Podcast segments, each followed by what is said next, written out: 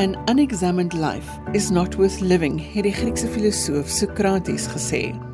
Kom stap saam met my deur kilometers van geskiedenis, 'n dokumentêr deur Liselde Bruin.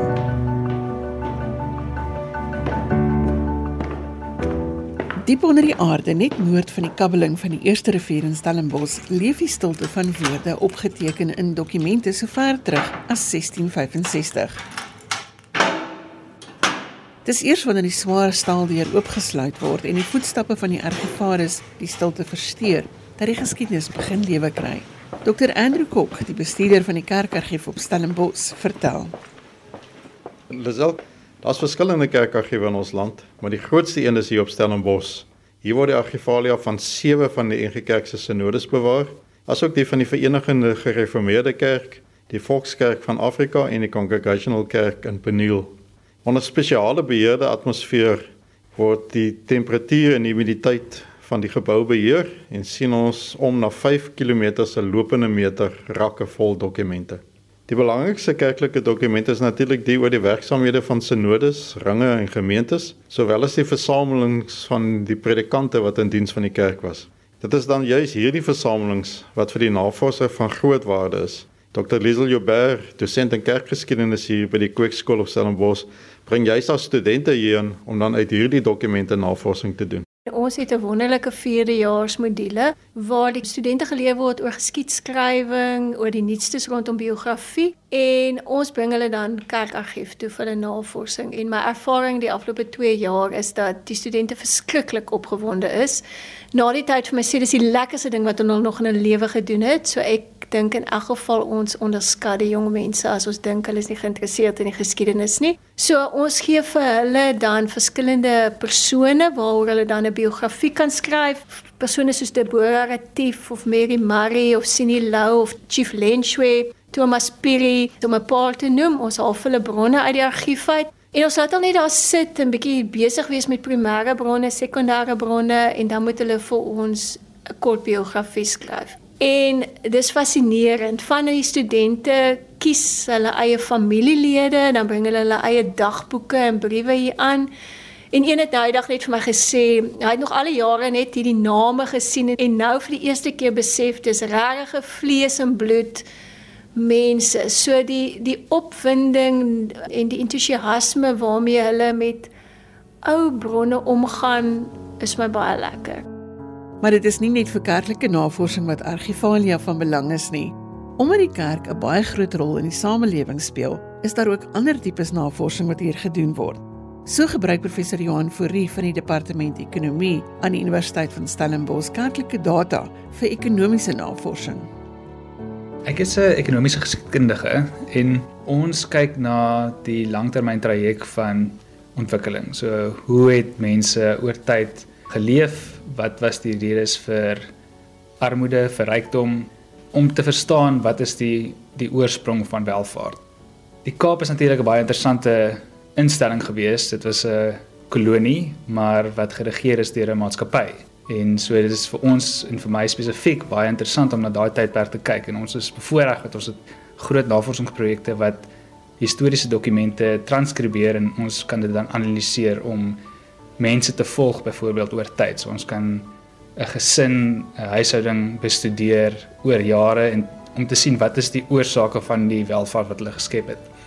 Die kerkrekords is baie interessant omdat dit gee vir ons 'n blik op nie net 'n instelling wat baie belangrik was van daai tyd nie, maar ook op 'n instelling wat 'n ander rol vervul het as wat ons dalk dink aan as die kerk. So wat ons sien in die rekords is dat die kerk eintlik maar 'n protobank was. Hulle het uh, lenings toegestaan aan hulle lede, maar ook aan mense buite wat mense tradisioneel sou dink as NG Kerk lidmate. En uh, daai lenings tot 'n mate was maar uh, almoses, um, sommige is nooit terugbetaal nie, maar ander is terugbetaal en dit het natuurlik weer gehelp om ehm um, lenings aan nuwe persone te gee. So Ek bestudeer hoe hierdie lenings aan wie dit toegestaan is, hoe dit gewerk het, die hele proses en dan uiteindelik hopelik om iets te sê oor wat die rol was van die kerk in die ekonomiese ontwikkeling van die tyd. Hier staan ons nou by die rak waar ons oudste dokument, die 1665 notuleboek doop en huweliksregister van die Grote Kerk Kaapstad is. Jy sal sien hulle is in suurvrye papier toegedraai omdat ons oudste dokumente blootgestel word aan die suur wat die papier opvreet en dan bewaar ons dit op so 'n manier. Dit is juis in hierdie kerkregisters wat die familiegenealoog en familienavorser nogal groot bronne van inligting kry. Want almal is in die kerk gedoop of getroud en dan kry ons baie interessante inligting van die gewone burgery aan die Kaap maar ook van die slawe en ook baie keer van die inheemse bevolking soos die Khoisan San in hierdie registers. Ek is Aubrey en ek doen navorsing veral oor ons breinmense. En dis basies pionierswerk want baie van ons inligting het ons maar nou net mondeling gekry van ons ouers en voorouers wanneer die mense gepraat het. Want ons het ook die ongeskrewe reël dat jy nie oor die voorgeslagte praat nie. Los die groot mense met rus en los die dode met rus. Toe het ek begin om veral ons navorsing in die argief te doen Die argiefse dokumente begin hoofsaaklik in 1895 vir geboortes, sterftes, huwelike. En dan is daar 'n groot gaping want ons mense is mos nou al van lankal af hier in uh, Suid-Afrika of in die Kaap. Toe het ek ontdek dat ons kerkregisters eintlik ons groot lewensaar is wat ons verbind 1895 tot vroeër. Want deel van die beleid was om sendingstasies te begin en sendingwerk te doen onder die Khoikhoi, die San en inheemse bevolkingsgroepe en ook onder die slawe. En toe die slawe vrygestel is, het baie van hulle besluit om by die kerk aan te sluit en hulle inligting is dan van laat 1700s, 1800s tot laat in die 1800s deur sendinggenootskappe opgeteken en dan by uh, die argief hier in Stellenbosch kan ons baie van die inligting kry. Sommige is digitaal beskikbaar, maar ouens soos ek hou daarvan om die boeke aan te raak wanneer ons raak aan lewensaar van ons voorgeslagte.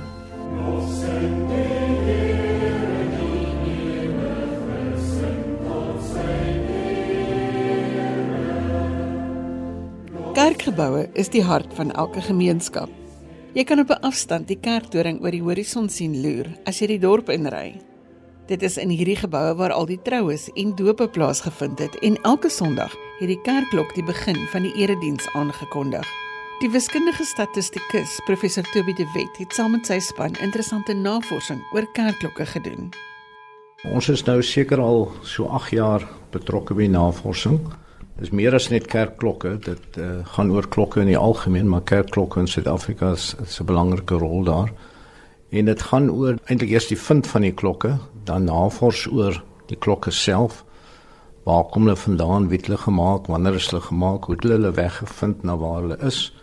En dan doen ons ook uh, dit is die historiese kant, dan doen ons ook die tegniese kant wat as jy klokke meet, opmeet en akoestiese metings doen, fotos neem en dit alles in verband bring met die hele klok en sy sy rol. Ja, baie van die klokke wat ons veral belangstel is historiese klokke en baie is dan nou gekoppel aan kerke. Uh of nog in die kerk of was in die kerk op 'n stadium. En nou moet ons gaan naspoor wanneer het dit hier gekom, hoe dit hier gekom, wat was die koste, wat was die proses om dit te kry. En daar is die die notules van die ou kerkraadsvergaderings die belangrike ding. Maar as jy baie keer vra wat ons het, ons weet daar stories rondom waar 'n klok heen is en ons wil gaan bevestig is die storie waar of nie waar nie. En al maniere is om dan na die totale te gaan en te sien ja die klok van Stellenbosch moedergemeente is inderdaad hier in die 1860 of vroeë 80s voor hulle 'n nuwe klok gekry het is na Heidelberg ingekerk dit was 'n iets wat ons eers gelees het en die notule het dit bevestig. So die aan die een kant kry ons inligting daar aan die ander kant kry ons bevestiging vir wat ons uh, vermoed of gelees het op 'n ander plek. Die Nederlandse en, en Duitse klokke is mooi versier, mooi patrone op en allerlei uh, simbole op. So dit is die interessante daarvan, maar dit is meestal daar uit die vasteland in die Engelse uh, kerke meer uit uit Engeland self. Dr Erik Dippenaar is artistieke direkteur van die Kaapstad Barokorkes. Hy gee klas by die Universiteit Stellenbosch en doen navorsing oor huishoudelike musiekpraktyke in koloniale Suider-Afrika. Dit natuurlik ook by die Kerkargief. My naam is Erik Dippenaar en ek het onlangs 'n PhD voltooi in musikologie of musiek en my tema was en ek kan dit in een sin sê is die rol wat historiese huishoudelike klaverbordinstrumente gespeel het in die koloniseringsproses. So ek werk baie met die kulturele betekenisse wat geheg word aan klaverbordinstrumente en natuurlik daarmee saam die musiek wat op hierdie instrumente gespeel is. Nou, ek is na hierdie NG Kerk argief gelei eintlik deur twee baie baie belangrike manuskripboeke. En die manuskripboeke het behoort aan uh, Dominee Meent Borgert. Nou hy het aan die einde van die 18de eeu, ek dink hierso rondom die 1780s na Suid-Afrika toe gekom en was vir 'n jaar lank 'n predikant gewees by die Grote Kerk en hy het toe hier na Stellenbosch na die moedergemeente geskuif. En 'n huis wat hy vir hom laat bou het, staan nog steeds in Dorpsstraat, La Gratitude. So ons weet waar hy gebly het en daai oorspronklike uh, Kaapshollandse huis is nog daar. En ehm um, ons weet uit memoirs wat sy seun geskryf het dat hy baie musikaal was en dat dit dikwels uh, musiek gemaak is in hulle huis. Nou die musiek wat daar gemaak is was dikwels van 'n geestelike natuur of van 'n sekulêre natuur en Meenborger het sê dan later ook was instrumentaal um, daarin om te sorg dat die moederkerk 'n uh, orgel kry in die begin van die 19de eeu. Nou is twee manuskripboeke van hom in hierdie argief, uh, saam met baie ander papiere en so, maar twee boeke wat mis bladmusiek uh, bevat. En dis regtig 'n wonderlike dokument oor wat se musiek in huise gespeel sou uh, gewees het aan die einde van die 18de eeu begin van die 19de eeu. Ek dink mense moet onthou dat in daai tyd, dis natuurlik voor CD opnames, 200 jaar voor CD opnames en so aan. So as jy as iemand wat sien maar 'n uh, 'n uh, klavesimbal of klavier gespeel het of orgel wat dikwels in huise was, as jy ehm, 'n um, stuk gehoor het waarvan jy hou, dan jy dit in jou persoonlike manuskripboek neergeskryf. Met ander woorde, so 'n manuskripboek is eintlik eh, so 'n dokument die greatest hits van daai persoon. So ek het navorsing gedoen op op verskeie manuskripte, maar veral hierdie twee manuskripte van Wien Borgert het het baie sterk gefokus omdat dit so verskeidenheid van musiek bevat. En deel van die proses was ook om te bepaal wie die musiek geskryf, want in daai tyd was dit nie uh die idee van kopierig was baie anders as wat ons dit vandag verstaan. So mense het dikwels net die musiek neergeskryf en nie geskryf uh wie dit gekomponeer het en so. En so baie van dit kon ons nie bepaal nie. Party van dit is wel deur bekende of minder bekende komponiste. Dominee Gerdrie van der Merwe is 'n kenner as dit kom by gemeentegeskiedenisse en het al vele gemeentegedenkboeke saamgestel. Ek wil as kerkhistorikus en skrywer wat sedert 1979 gemeentegeskiedenisse opteken, 'n beroep op predikante en kerkrade doen om entoesiasties en met nuwe oë na die kerkargief te kyk. Dit is nie stowwerige dokumente en ou boeke nie. Dit is 'n kerkhistoriese fontein met lewende water. Dit laat ons moed skep van die Here se krag en reddende hand is gister, vandag en môre dieselfde. Dit is in hierdie gedenkboeke wat ons stories van lidmate en predikante vertel. In die argief is daar 'n groot versameling van dokumente wat in die persoonlike versamelings van die predikante was wat ook in hierdie dokumente opgeteken is. So het ons dan ook van hulle 'n fotoversameling van so 12000 fotos. Nou wanneer jy in die gemeentes in die konsistories kyk, dan sal jy sien hang daar fotos van die dominees in die konsistorie en Lisel jy het self 'n interessante ervaring van jou oupa wat dood is in so 'n konsistorie. Een van ons navorsers is professor Piet Jonas wat juis in sy navorsing oor die swart evangeliste baie gebruik maak dan van die kerklike inligting wat in gedenkboeke opgeteken is. uThixo uyathela Lisel ek was vir 20 jaar sendeling in die Oos-Kaap eers op Oos-London en daarna Alexandria en later in KwaZulu en Port Elizabeth. Ek het in 1959 begin werk in Oos-London. Toe ek daar aankom, toe vind ek dat ek verantwoordelik is vir drie distrikte: Oos-London, en King Williamstown en Komga. Dit was vir my 'n onbegonne taak. Gelukkig was daar 5 evangeliste op verskillende plekke in die gebied En hulle was my gidse, hulle was my kontakpersone, hulle was my mentors. Dit is hulle wat vir my gehelp het om rigting te vind en my voete te vind om te weet waar om te begin werk, waar daar mense was wat goedgesind was en met wie ek kon kontak maak. Ek het min geweet van die mense van die gebied en nog minder van die taal. Later toe ek op Alexandria gewerk het, was daar twee evangeliste en in KwaZulu was daar ook twee. Ek dink byvoorbeeld aan die werk in Uganda die werk van die Anglikane en die Rooms-Katolieke, hoeveel hulle gebruik gemaak het van inheemse mense, onderwysers en evangeliste.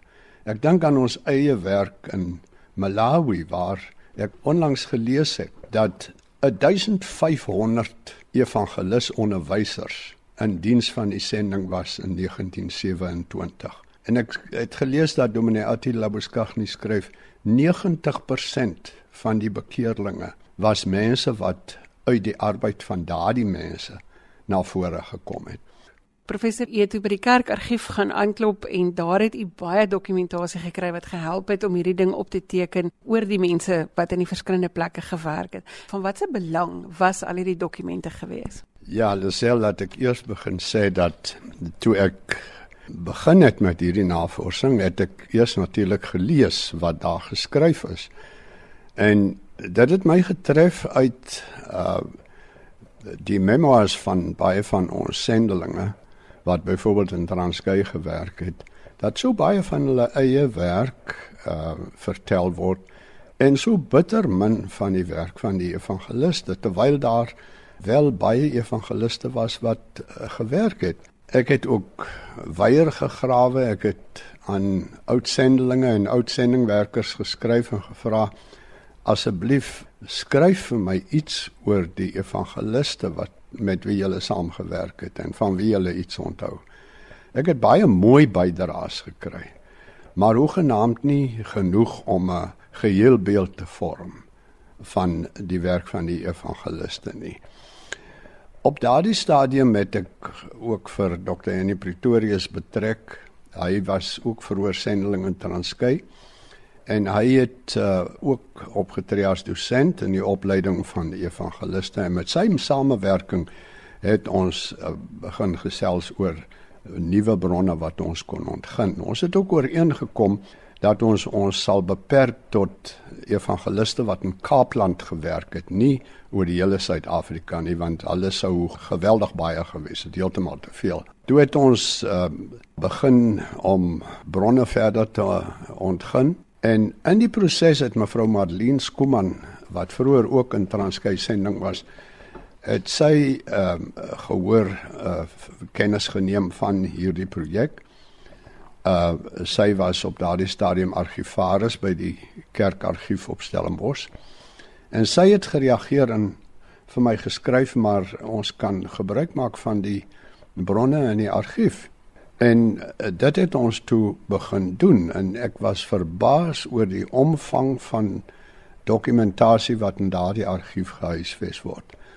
Die heel eerste was natuurlik om te probeer om uit te vind hoeveel evangeliste gewerk het, waar hulle gewerk het, wie hulle was en hoe lank hulle gewerk het op sekere plekke.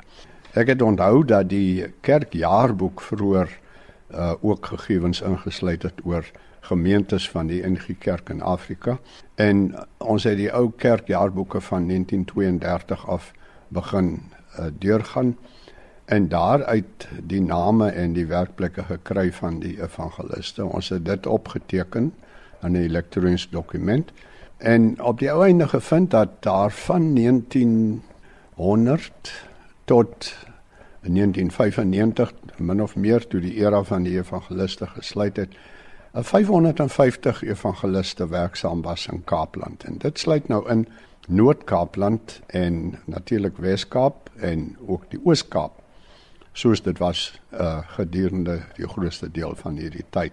Toe ons daarmee klaar was, het ons begin om die stasie joernaalboeke van die sendingstasies na te gaan. en daaruit brokkies inligting gekry en onder die name van die evangeliste ingesit. En nou ja, ook daar was dit uh, het dit gebeur dat daar eintlik maar min werklike gegevens was oor die werk van die evangeliste. En dit het ons toe gelei na ander bronne wat die argief beskikbaar het en dit is geweldig baie. Byvoorbeeld die notules en verslae van uh, synode en van kommissies van die synode van ringe kerkrade en uit daardie dokumente kon ons inligting versamel oor die werk van die evangeliste.